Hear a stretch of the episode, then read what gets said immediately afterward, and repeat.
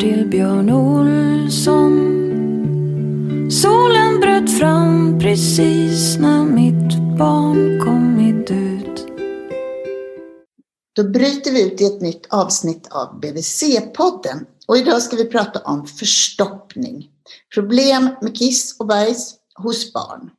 Jag heter Malin Bergström och är barnhälsovårdspsykolog och idag träffar jag nästan min namne. Malin Borgström. Välkommen! Tack så mycket! Och så har vi vår producent Bosse Andersson med här. Hej hej! Välkommen Bosse! Tack! Malin, vem är du? Eh, jag är barnsjuksköterska och urotarmterapeut. Jag jobbar i Falun på barnmottagningen där som eh, urotarmterapeut. Och eh, det gör jag på halvtid och jag forskar dessutom på halvtid som doktorand. Jag forskar på nattväta och förstoppning. Hos barn? Jajamän. Vad är en urotarmterapeut? Jag hade aldrig hört det. Nej, precis. Ehm, förut så eh, kallade vi oss eh, för uroterapeuter och det är alltså en eh, specialist på kissblåsan kan man säga. Så att man läser en, en utbildning som bara handlar om kissblåsan. Men vi vet idag att tarmen även är med och påverkar kissblåsan i stor grad. Därför så är vi nu också utbildade på tarmen och då blir det urotarmterapeut. Och anledningen till att du och jag fick kontakt Malin, det var att du precis har kommit ut med en bok. Ja, eh, jag har skrivit en bok som heter Besvär med tarm och urinblåsa hos barn. Det är en behandlingsmetod för barnhälsovården. Och det där tyckte jag var intressant. Vem vänder sig den här boken till? Hur tänker du att barnhälsovården ska behandla den här typen av besvär hos barn? Mm. Jag tänker att eh, barnhälsovården är de som eh, träffar barnen när de är små och det är oftast då problemen uppstår. Eh, och jag tänker också att man behöver ha ett, hel, ett perspektiv på hela barnet, inte bara hur de äter och växer utan hur de faktiskt också kissar och bajsar. Så att jag tycker att det, det hör liksom till det området. Och det är också små barn som ofta har stora besvär som kan följa med dem resten upp i livet.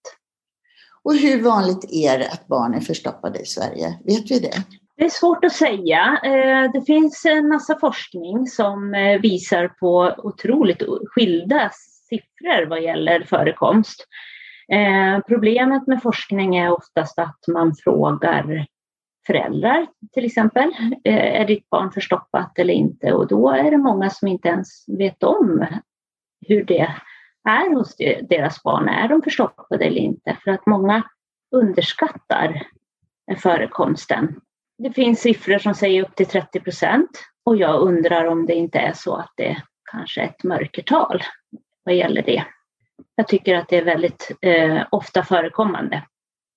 Jag vet att där, jag jobbar i Stockholm så vet jag att det där har varit, har varit den vanligaste sökorsaken hos små barn till barnläkarmottagningarna. Vi vet att det är väldigt utbrett. Jag måste säga att jag är så otroligt glad över att du har skrivit den här boken och jag tror att det är kanske så att vi behöver diskutera hur mycket barnhälsovården ska gå in i aktiv behandling.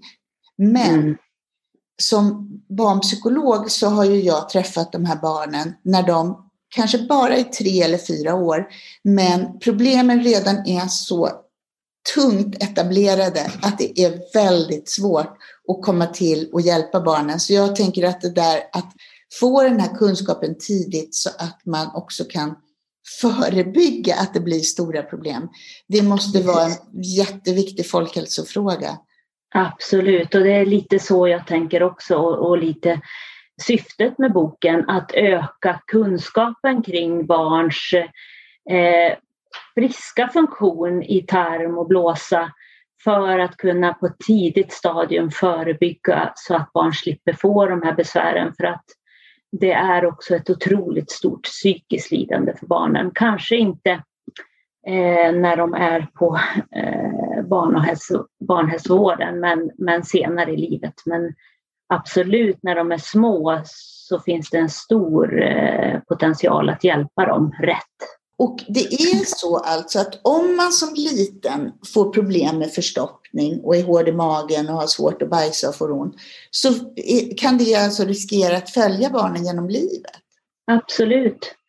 Många går upp i vuxen ålder med fortsatta problem och då, då är de manifesta. Då, då är det inte säkert att det går att göra eh, tarmen frisk igen utan det gäller att vi fångar dem när barnen är små. Och innan de får sådana vanor som, som de för med sig i, i resten av livet som, som blir ohälsosamma. För, för tarmen måste liksom få återhämta sig för att kunna fungera eh, på rätt sätt igen. Och ju äldre du blir, ju mindre är möjligheten att påverka det. Du ska få förklara det där i detalj Malin, men innan vi går in på det så skulle jag bara vilja ställa frågan kring hur det här hänger ihop med att man får problem med kissblåsan.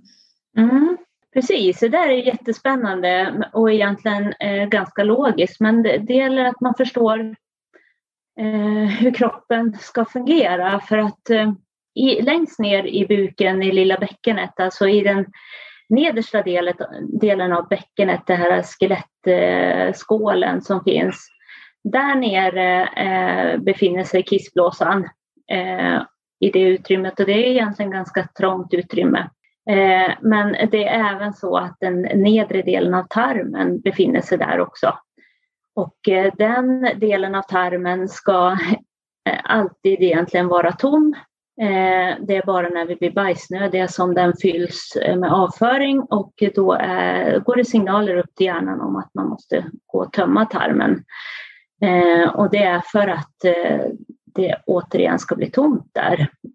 Barn har en benägenhet att samla bajs där istället för att tömma ut det. De har inte tid eller att de, de kanske har erfarenhet av att det gör ont att bajsa och då håller man kvar avföringen i den där nedre delen av tarmen då stör det kissblåsan eh, så att den inte fungerar på rätt sätt. För då ligger den här bajsklumpen, det är något litet någon liten väck där på tarmen eller någon liten vinkel. Du hade så himla pedagogiska bilder i din bok som man kan visa mm. för barn för att de ska fatta hur mm. det ser ut. Om det, om det står bajs där nere då, då blir det för trångt för kissblåsan och då trycker mm. på och så läcker man kiss. Ja. Kissblåsan är ju, den är ju uppbyggd på det sättet att den ska hålla kvar kiss eh, så att vi inte hela tiden läcker ut kisset utan den ska ju hålla det till en tidpunkt när det ska släppa ut kisset. Och eh, kissblåsans eh, uppgift är då att hålla kvar och så sen så ska den tömma helt tomt. Och den är också uppbyggd på det sättet att den ska känna av höga tryck för blir det ett högt tryck och för fullt i blåsan, då ska blåsan tömma sig själv. Och det där är till för att skydda njurarna som är livsviktiga. Det där trycket, det kan eh, även komma utifrån så att blåsan uppfattar inte att det beror på att det är mycket kiss i blåsan utan den tror att det eh, är ett högt tryck på grund av att det står mycket kiss men egentligen är det tarmen då som trycker på utifrån.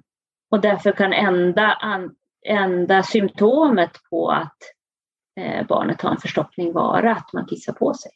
Men det är lite komplicerat eh, att förklara, därför så behövs det pedagogiska bilder och det hoppas jag att man förstår då när man ser det i, i boken. Egentligen så handlar den här podden om någonting som kallas för funktionell förstoppning. Mm, mm. Och vad betyder det då? Vad är, liksom, vad är skillnaden mellan det som vi dödliga kallar för förstoppning och det som du kallar för funktionell förstoppning? Jag tror att vi egentligen pratar om samma sak eh, därför att det är den funktionella förstoppningen som är en förstoppning. Men det som är viktigt att förstå det är att den funktionella förstoppningen som det kallas då, det beror inte på någon sjukdom eller någon bakomliggande orsak utan det beror på att man inte släpper ut bajset i tid eh, utan att man håller kvar det på ett ställe i kroppen där det egentligen inte är menat att det ska ligga, nämligen i den nedersta delen. Mm. Så man har fått ett beteende eller mm. lärt in ett beteende av att inte känna av kroppens signaler och följa dem som mm. leder till att man får problem Precis. liksom, eh, fysiologiska.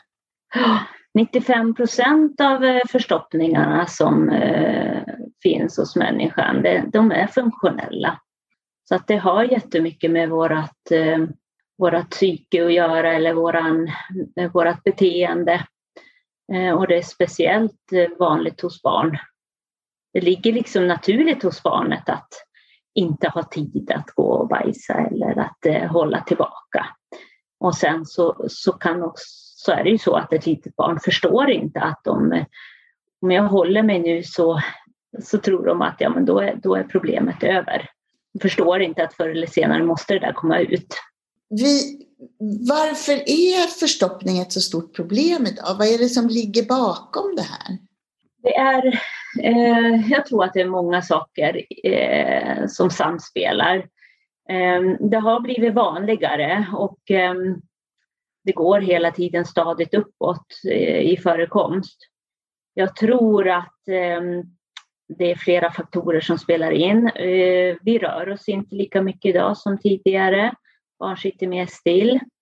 Eh, å andra sidan så ser vi det eh, lika mycket hos barn som rör sig mycket som hos andra, så att det är inte hela förklaringen. Eh, vi äter annorlunda mot tidigare. Vi tittar mycket på platta och skärm och det där påverkar hjärnan, det stressar barnet, även om det inte ser stressat ut. Och stress är en av de största faktorerna till att tarmen stannar upp. Den, eh, när vi levde på savannen och skulle springa ifrån ett lejon så skulle vi inte bajsa samtidigt. Så blir man stressad så stannar tarmen. Eh, och det finns flera olika orsaker till varför man kan bli stressad. Men jag, jag tänker att eh, våra, eh, våra medier som vi serverar till barnen skulle kunna vara en bidragande orsak. Och du skriver också att det är inte bara så att man blir stillasittande utan det är också så att man blir så inne i någonting man håller på med. Mm. Och man vill verkligen inte avbryta för att gå iväg och gå på toaletten eller pottan. Nej, och det, är ju en av de vanligaste orsakerna även hos de stora barnen att de kan inte avbryta när de sitter och spelar ett eh, spännande spel eller tittar på någonting. Och då, då blir de här signalerna från kroppen inte så eh, viktiga utan man försöker hålla sig en liten stund till. Men sen listar du också fler förklaringar där du bland annat pratar om potträning som vi har pratat om här i podden flera gånger. Mm. Vi ser ju att eh, åldern ökar ifrån när man introduceras eh, för potta och att eh, det finns en gammal föreställning om att man ska invänta barnets mognad. Barnet ska själv liksom visa när de är redo för att eh, sluta med blöja och då då har den åldern eh, stigit hela tiden, så att från två års ålder till fyra års ålder idag. Och ehm, problemet med blöja är att man kan välja att stå upp och bajsa. Jag skulle säga att det är det största problemet. Och eh, fysiologiskt sett så är vi inte gjorda för att stå upp och bajsa. Det är egentligen ett ganska finurligt sätt för barnet att bromsa sitt bajs på vägen ut men det gör också att de inte tömmer fullständigt. Eh, och då har de kvar bajs i, i kroppen på, på ett ställe där det inte ska vara. För det där har ju jag träffat på så otroligt, det skulle jag säga att det gäller nästan alla barn som har kommit till mig med förstoppning, att de inte vill släppa blöjan och mm. att de är vana vid att stå i ett hörn eller som du skrev bakom en gardin mm. och sen så mm. håller de emot samtidigt som de bajsar. Antagligen så har de fått någon erfarenhet av att det har varit, eh, gjort ont att bajsa, det har varit hårt och då blir de rädda eh, och då försöker de bromsa det och det är ju väldigt effektivt när man står upp. Det handlar också om att barnet söker upp ett ställe där de känner sig trygga och lugna. Så att, att få det från eh, gardinen och in till toaletten då blir ju en utmaning. Är det några mer sådana orsaker som du tänker är kan förklara varför det här har blivit så vanligt?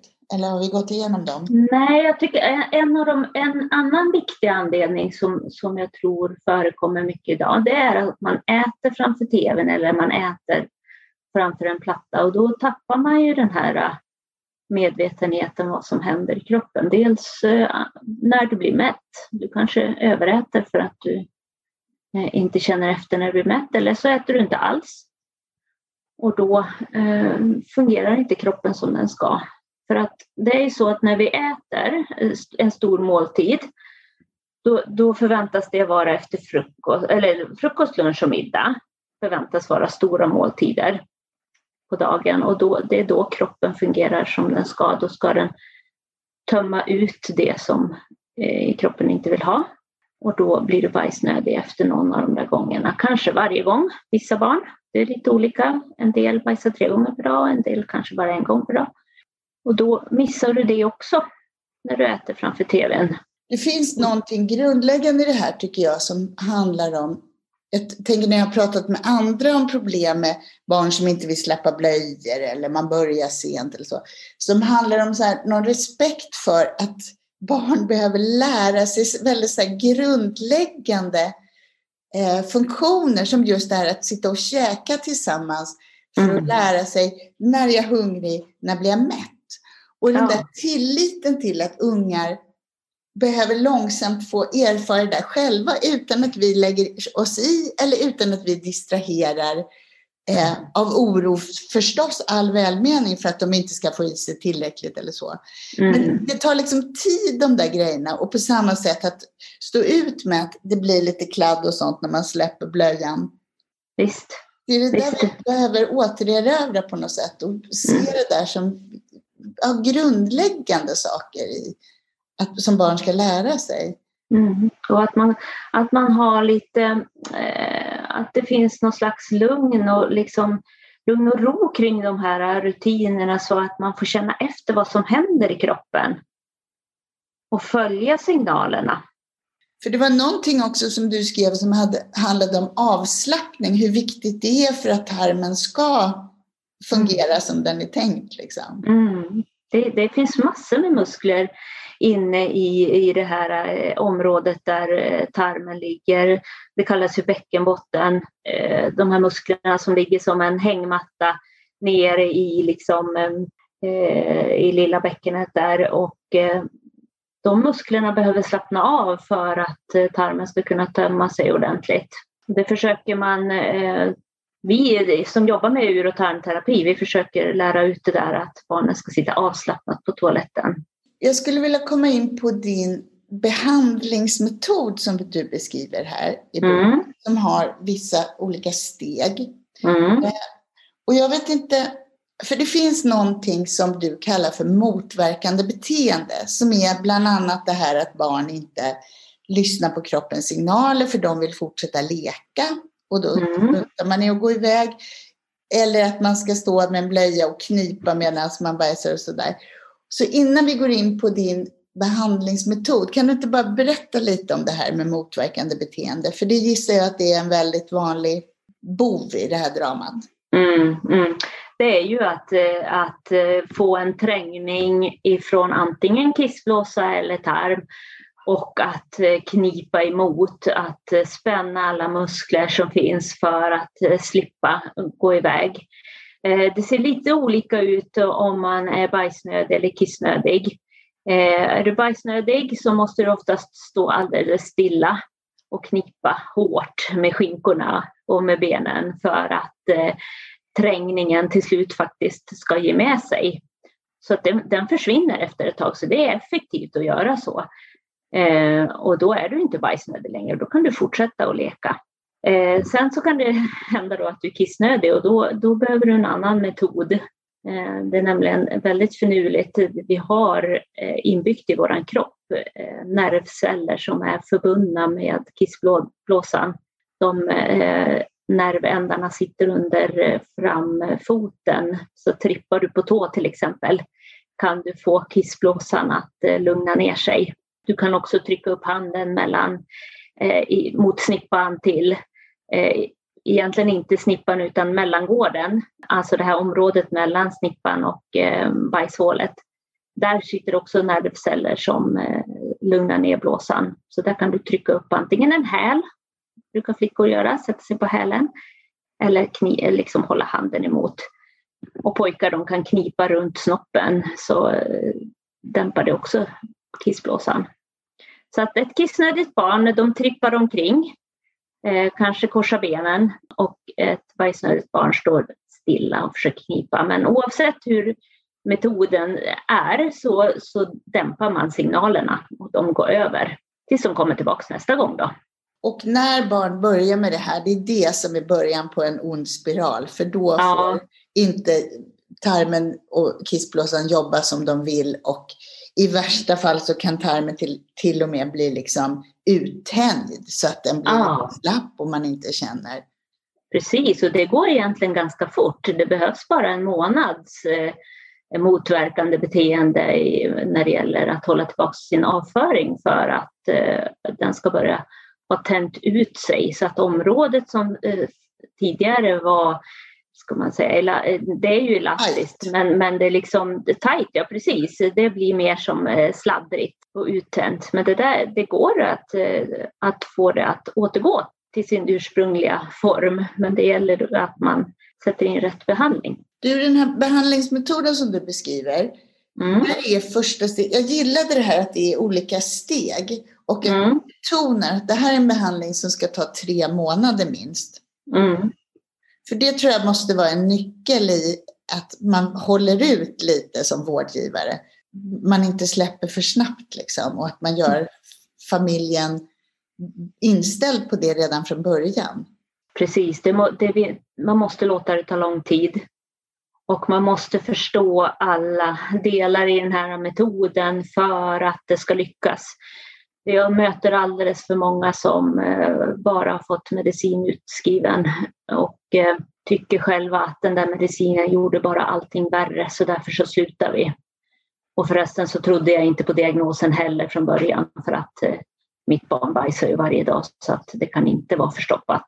Du, det där med hur ofta barnet bajsar, vad, vad, vad är det? Vad ska man liksom tänka som förälder eller, eller BVC-personal? Hur, mm. ofta ska barn bajsa? Vi är gjorda för att bajsa varje dag. Eh, sen kanske det är ett högt ställt mål. Jag tycker att man ska bajsa varje dag för vi äter varje dag. Och det var så roligt för det träffade jag ju en pojke som, som jag frågade. Jag brukar fråga mina patienter om de bajsar varje dag. Och då så sa han, ja det är klart, jag äter ju varje dag. Och det är så klokt sagt. Naturligtvis ska vi bajsa varje dag eftersom vi äter varje dag. Eh, men om vi inte bajsar varje dag så är det ingen panik i det, utan men varannan dag absolut att vi ska bajsa. Och det tycker jag att eh, mer än så ska man inte låta det gå. Och det, då, är liksom, då är vi inne på det som är första steget i den här behandlingen som handlar om att identifiera barnets problem. Mm. Mm. Jätteviktig del, verkligen. Beskriv den lite grann, för en sak som jag tyckte var så fint, det var att du listar en rad frågor till barnet direkt. Och jag mm. förstår det som att du har pratat, redan med tvååringen kan du ställa frågor till.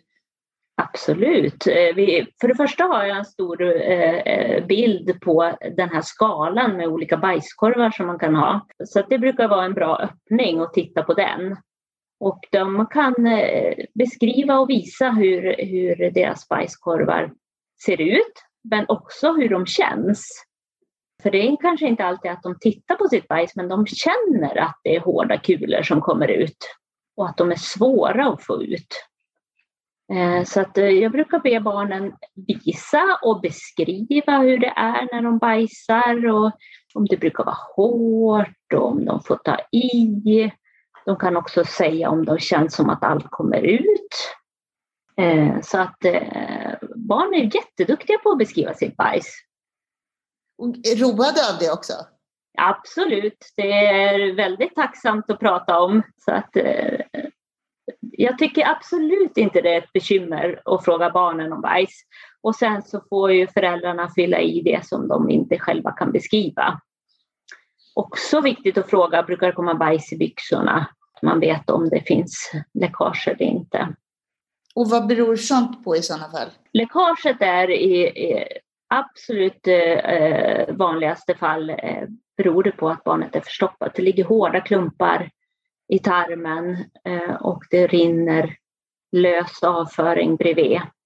Och då känner barnet inte ens att det kommer i, i byxorna. Och det där beror på att man går och kniper. Att man har det där motverkande beteendet. Så det är ett sånt där tecken som man ska vara uppmärksam på? Absolut, vi är inte gjorda för att läcka bajs, alltså vi är gjorda för att, att kunna hålla oss. Även om vi har vattentunna avföringar så, så, så kan vi hålla det. det. det. läcker inte ut, utan kroppen är gjord för att eh, hålla även vatten och eh, sista delen av tarmen är jättekänslig. Den kan känna om det är gas eller om det är vatten eller om det är fast avföring som ligger där. Du beskriver någonting som du kallar för tarmdagbok och det på, din behandlingsmetoden påminner väldigt mycket om hur man som psykolog jobbar med KBT, kognitiv beteendeterapi. Där vi mm. kartlägger, eller ber våra patienter kartlägga saker genom att föra en dagbok över olika besvär eller så. Och mm. den här termdagboken den ingår i den här identifieringsfasen av behandlingen. Precis, den, den är jätteviktig. För att om jag frågar någon om hur de bajsar, då kommer de inte ihåg riktigt hur det har varit och tänker tillbaka. Jo, men det har nog varit bra. Jo, men för det mesta är det nog mjukt. Och, nej, men mitt barn bajsar nog varje dag. Och sen när man gör en dagbok så inser föräldrar att nej, så, så var det inte riktigt. Utan vi är två föräldrar som, som är med och, och hjälper barnet efter toalettbesöken. Och, eh, det visar sig att nej, men det var inte så många gånger som vi trodde och det kommer inte så mycket bajs. Det kommer bajs varje dag, men det är väldigt små mängder. Och då är det viktigt att identifiera. För att det blir också en viktig del att eh, använda sig av i behandlingen för att se en förändring. Och där får man egentligen fylla i då, det finns ett rutnät över varje timme över dagen och om man bajsar mycket eller lite, om det är löst eller hårt och om mm. barnet läcker. Precis, och det som är viktigt att identifiera där det är ju de här avvikande små avföringar, läckage till exempel. Man tycker att barnet bajsar varje dag men det kommer bara lite varje gång. Det betyder att antagligen så har det inte tömt ut allting utan kanske bara en liten del av det som ligger i tarmen. Och då behöver man eh, behandling för det. Sen har du också en, eh, liksom ett led i behandlingen som du kallar för avmystifiering. Ja. det, det påminner om det som vi psykologer kallar för psykopedagogisk rådgivning eller psykoedukation. Alltså att barn och föräldrar får lära sig om kroppen.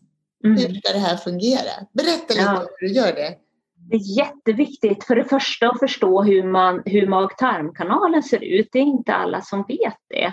Eh, vi kan tycka att det är så självklart att alla vet vart magsäcken sitter och vart tarmen sitter och hur allting fungerar. Och speciellt vi inom sjukvården, vi tror att det där är allmängiltig kunskap, vilket det inte är. Så att man behöver veta vart i kroppen saker och ting sitter för att förstå sen också hur egentligen ska fungera så att man vet mot vilket mål man jobbar åt.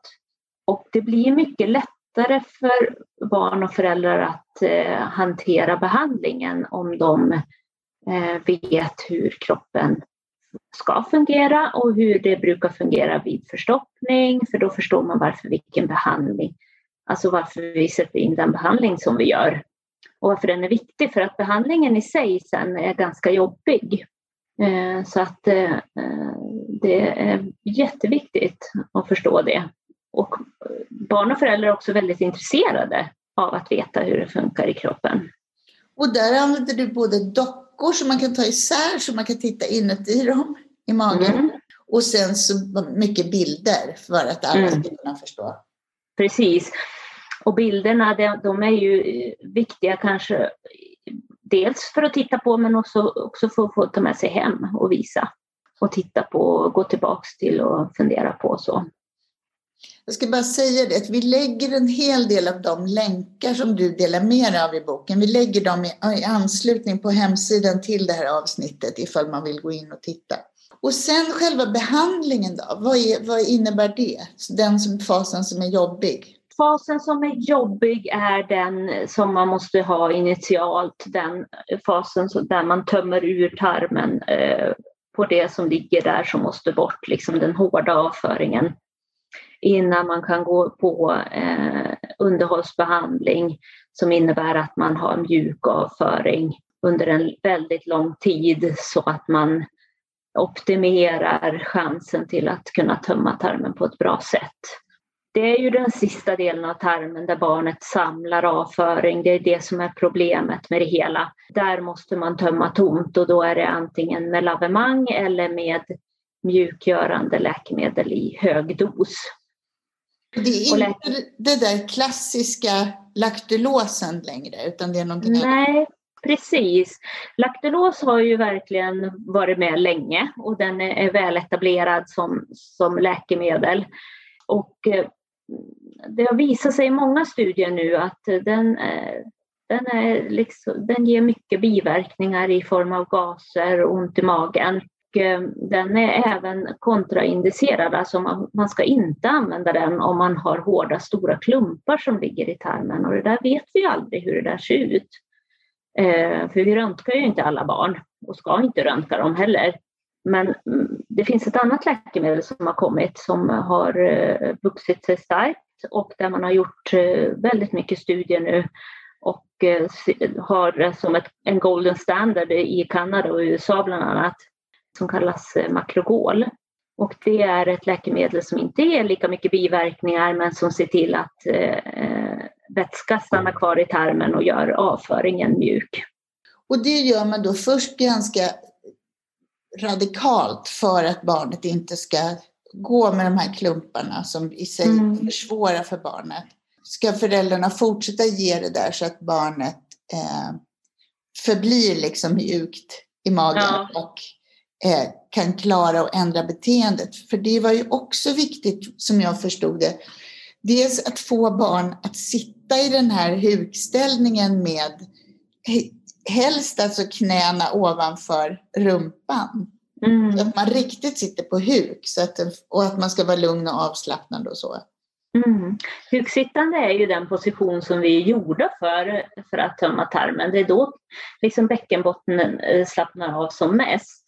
Nu ser ju inte våra toaletter ut på det sättet. Har man ett barn som sitter på potta så får man det ju ganska så automatiskt ändå med knäna högt upp. Eh, annars så behöver man ha både pall och en sittring till toaletten för att få den där avslappnande eh, sittställningen. Om man, och du är ju också ganska noga med att, att alltså få barnen med på tåget så att de ska förstå vad det är man håller på med.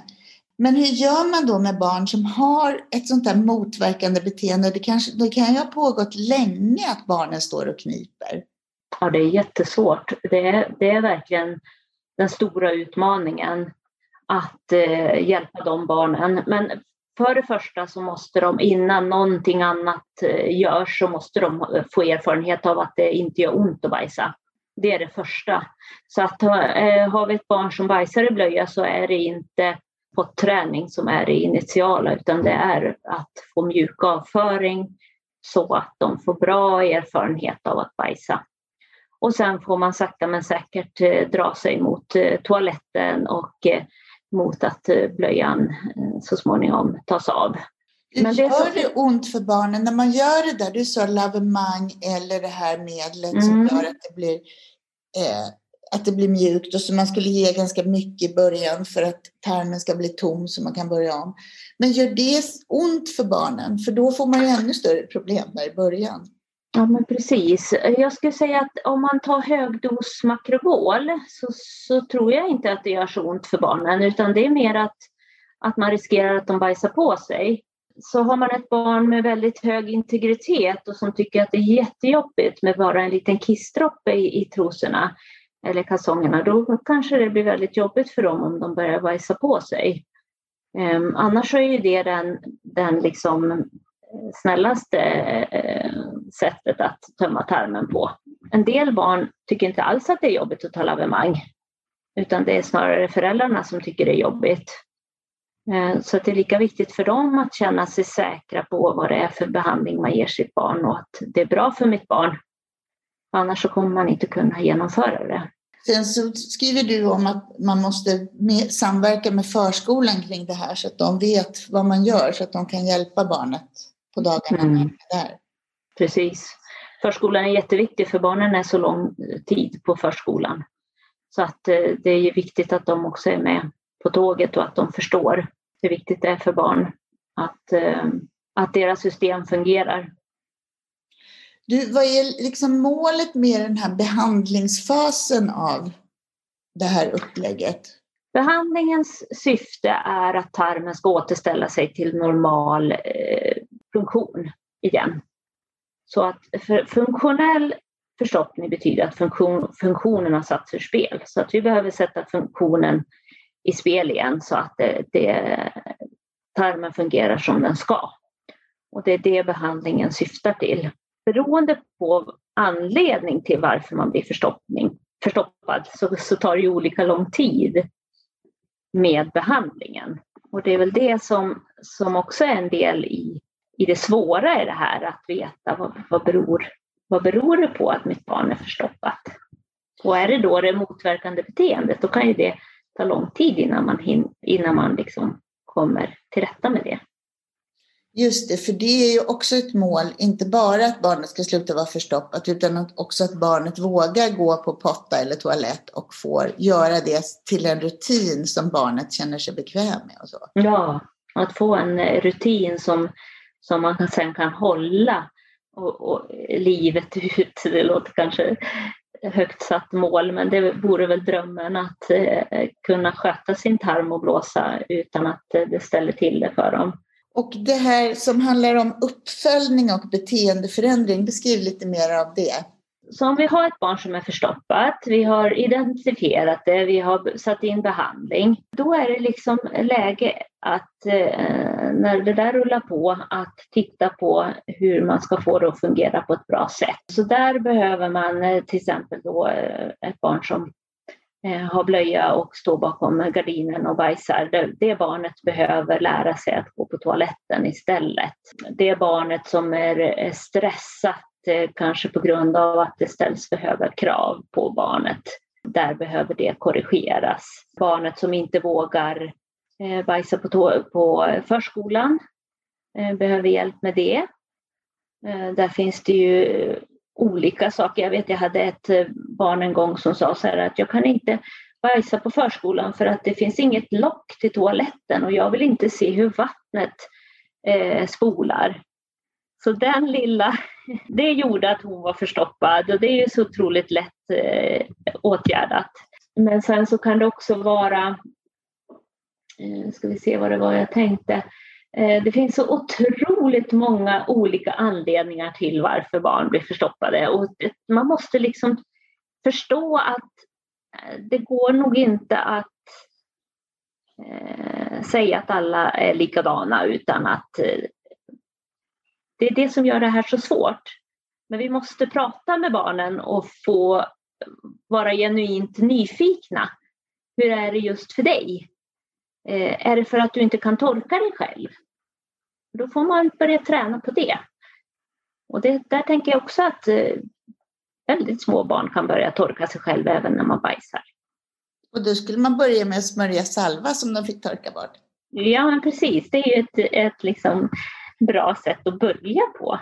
Att efter man har duschat och man är ren, då kan man få lite salva i, i rumpan och så får man papper sen och sitta på toaletten och försöka torka sig så att det inte är kladdigt längre. Det, jag tänker på barns integritet i det här. Det som låter som en nyckel, det är det här att tillsammans med barnet försöka identifiera det som är svårt och hitta små mm. steg mot någon beteendeförändring. Men vad, är det vanligt att man jobbar i team kring det här, eller hur? Ja, men vi som jobbar på specialistvården, vi, vi måste jobba i team eh, för att hjälpa barn, men vi träffar ju dem när de är mycket större. Eh, jag kan ju ha 12-13-åringar som fortfarande bajsar på sig för att de är så förstoppade och de har gått hela livet eh, och har samma vanor som de hade när de var små.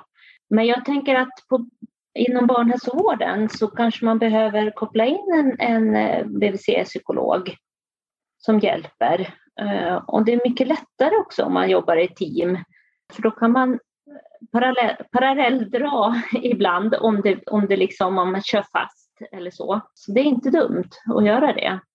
Det man har sett som jag tycker är roligt i forskning, det är att eh, sjuksköterskan är speciellt väl lämpad att hålla i behandlingen.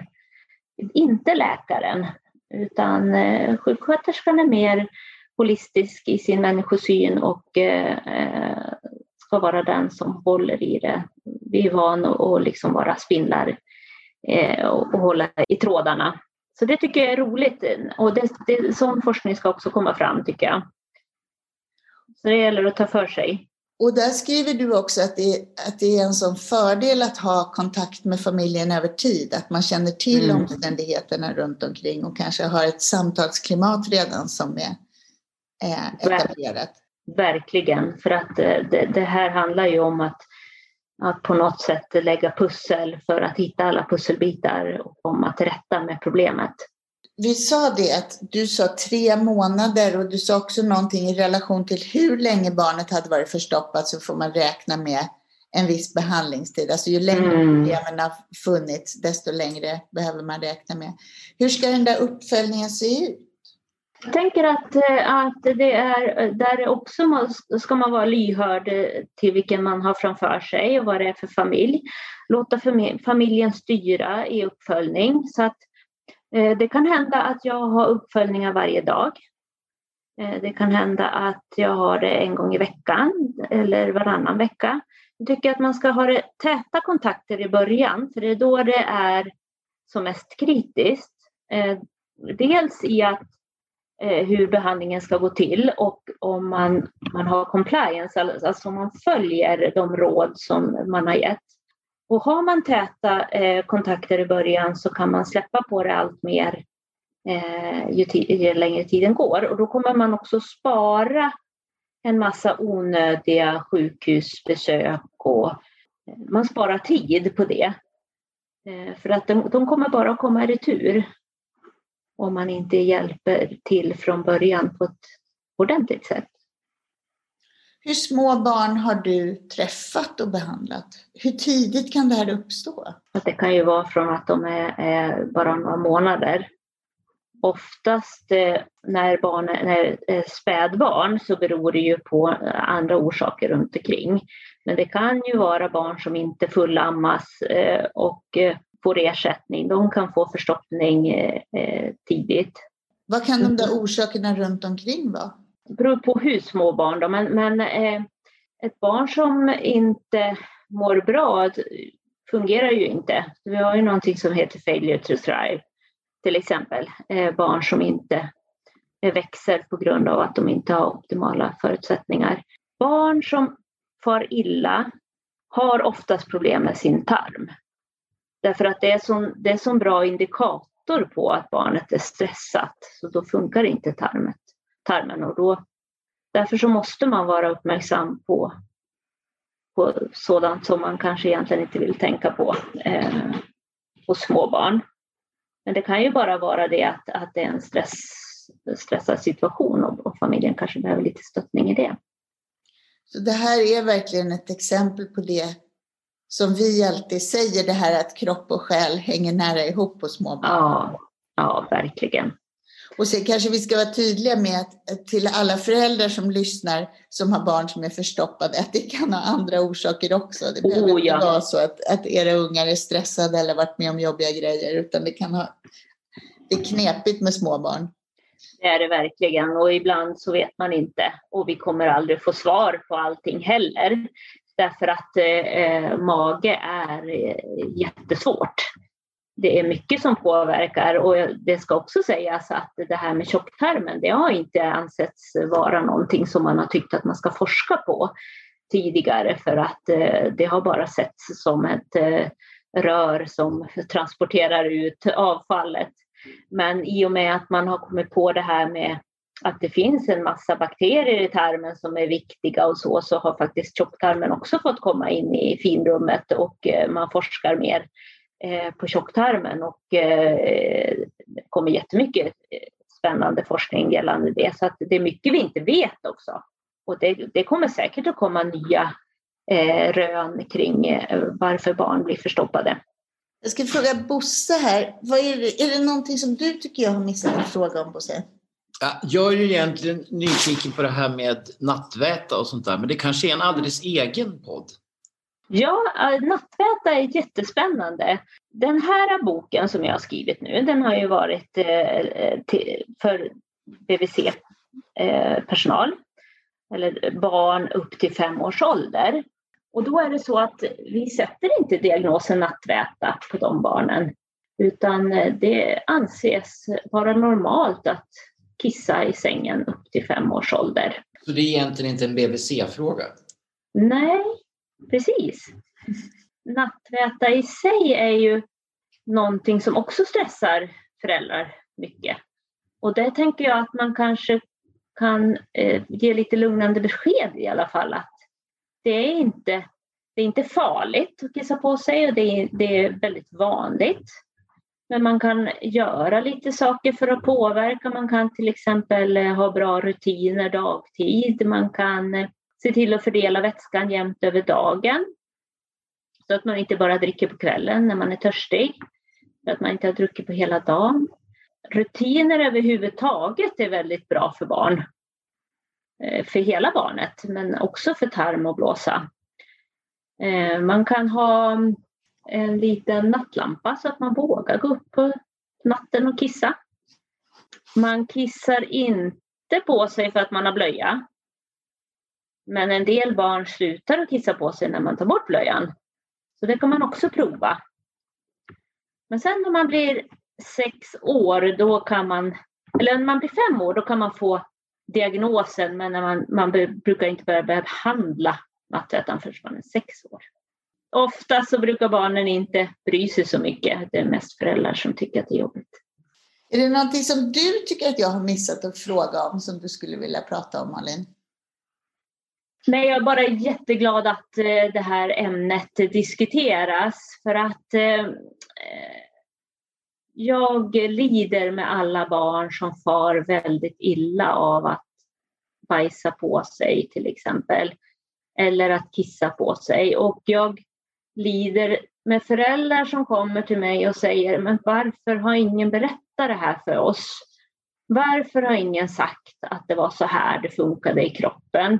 Då hade vi förstått varför den här behandlingen var viktig eller då hade vi förstått varför vi skulle göra som de sa att vi skulle göra eller eh, vi hade förstått att ni menade att barnet var förstoppat fast vi trodde att man är bara förstoppad om man bajsar stenhårda kulor.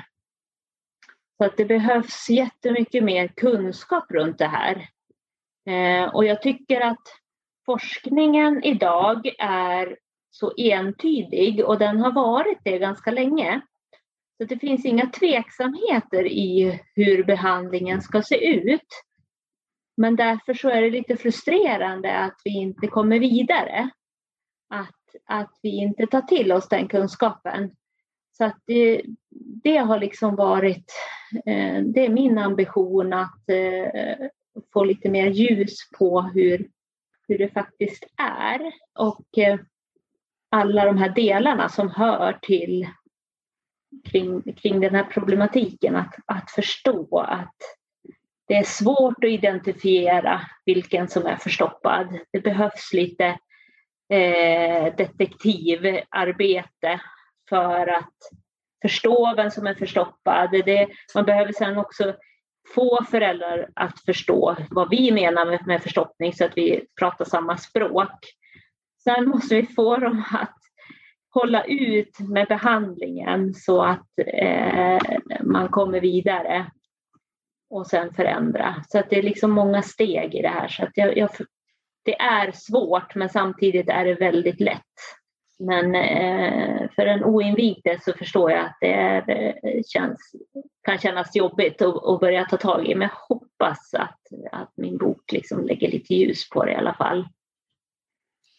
Det gör den verkligen. Då ska vi bryta ut från det här avsnittet av BVC-podden och så säga tack till dig Malin Borgström. Tack för att jag fick vara med.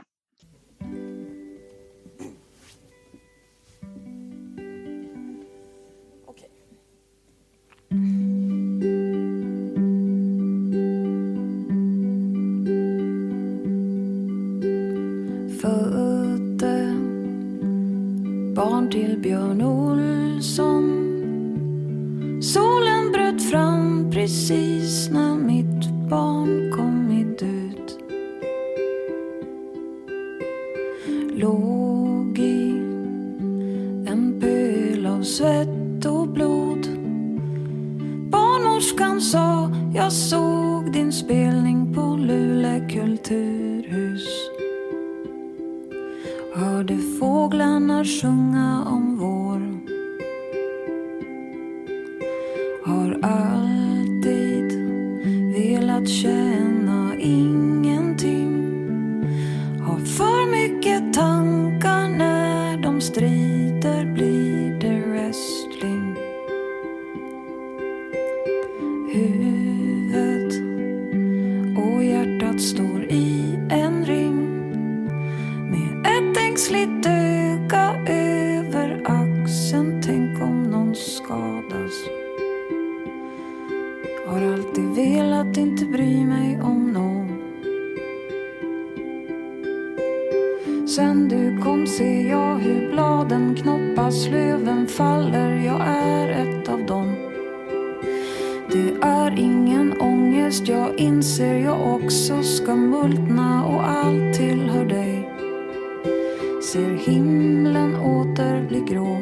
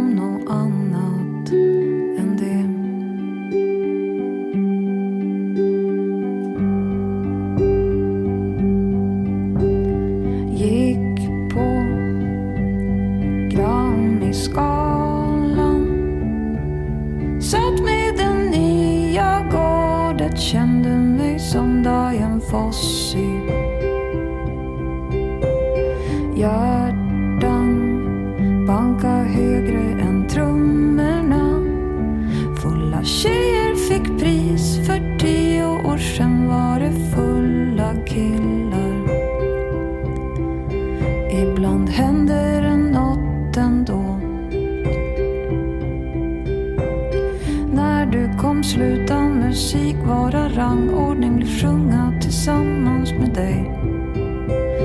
Din lilla röst ropar du var, du var, det är allt och jag som spelar till.